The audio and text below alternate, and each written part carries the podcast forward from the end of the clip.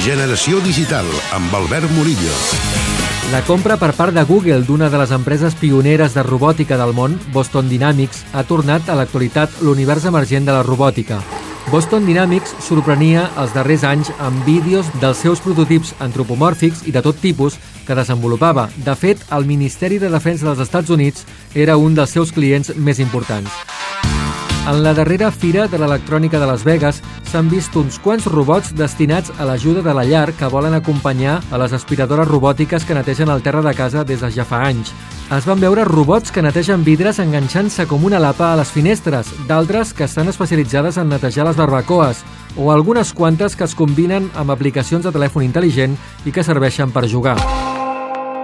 Si Google s'interessa per aquest camp de la tecnologia, el salt qualitatiu que podem veure els propers anys serà important no només en l'àmbit de la llar, sinó, per exemple, en el terapèutic, on ja ens podem trobar peluixos en forma de foca que serveixen per afavorir l'autoestima, la independència o relacions socials de persones grans. Per cert, pels qui tenim una edat, estem d'enhorabona, perquè una de les primeres joguines robòtiques que va arribar a casa nostra, el vehicle Big Track, es torna a fabricar i vendre en dues versions a través d'Amazon.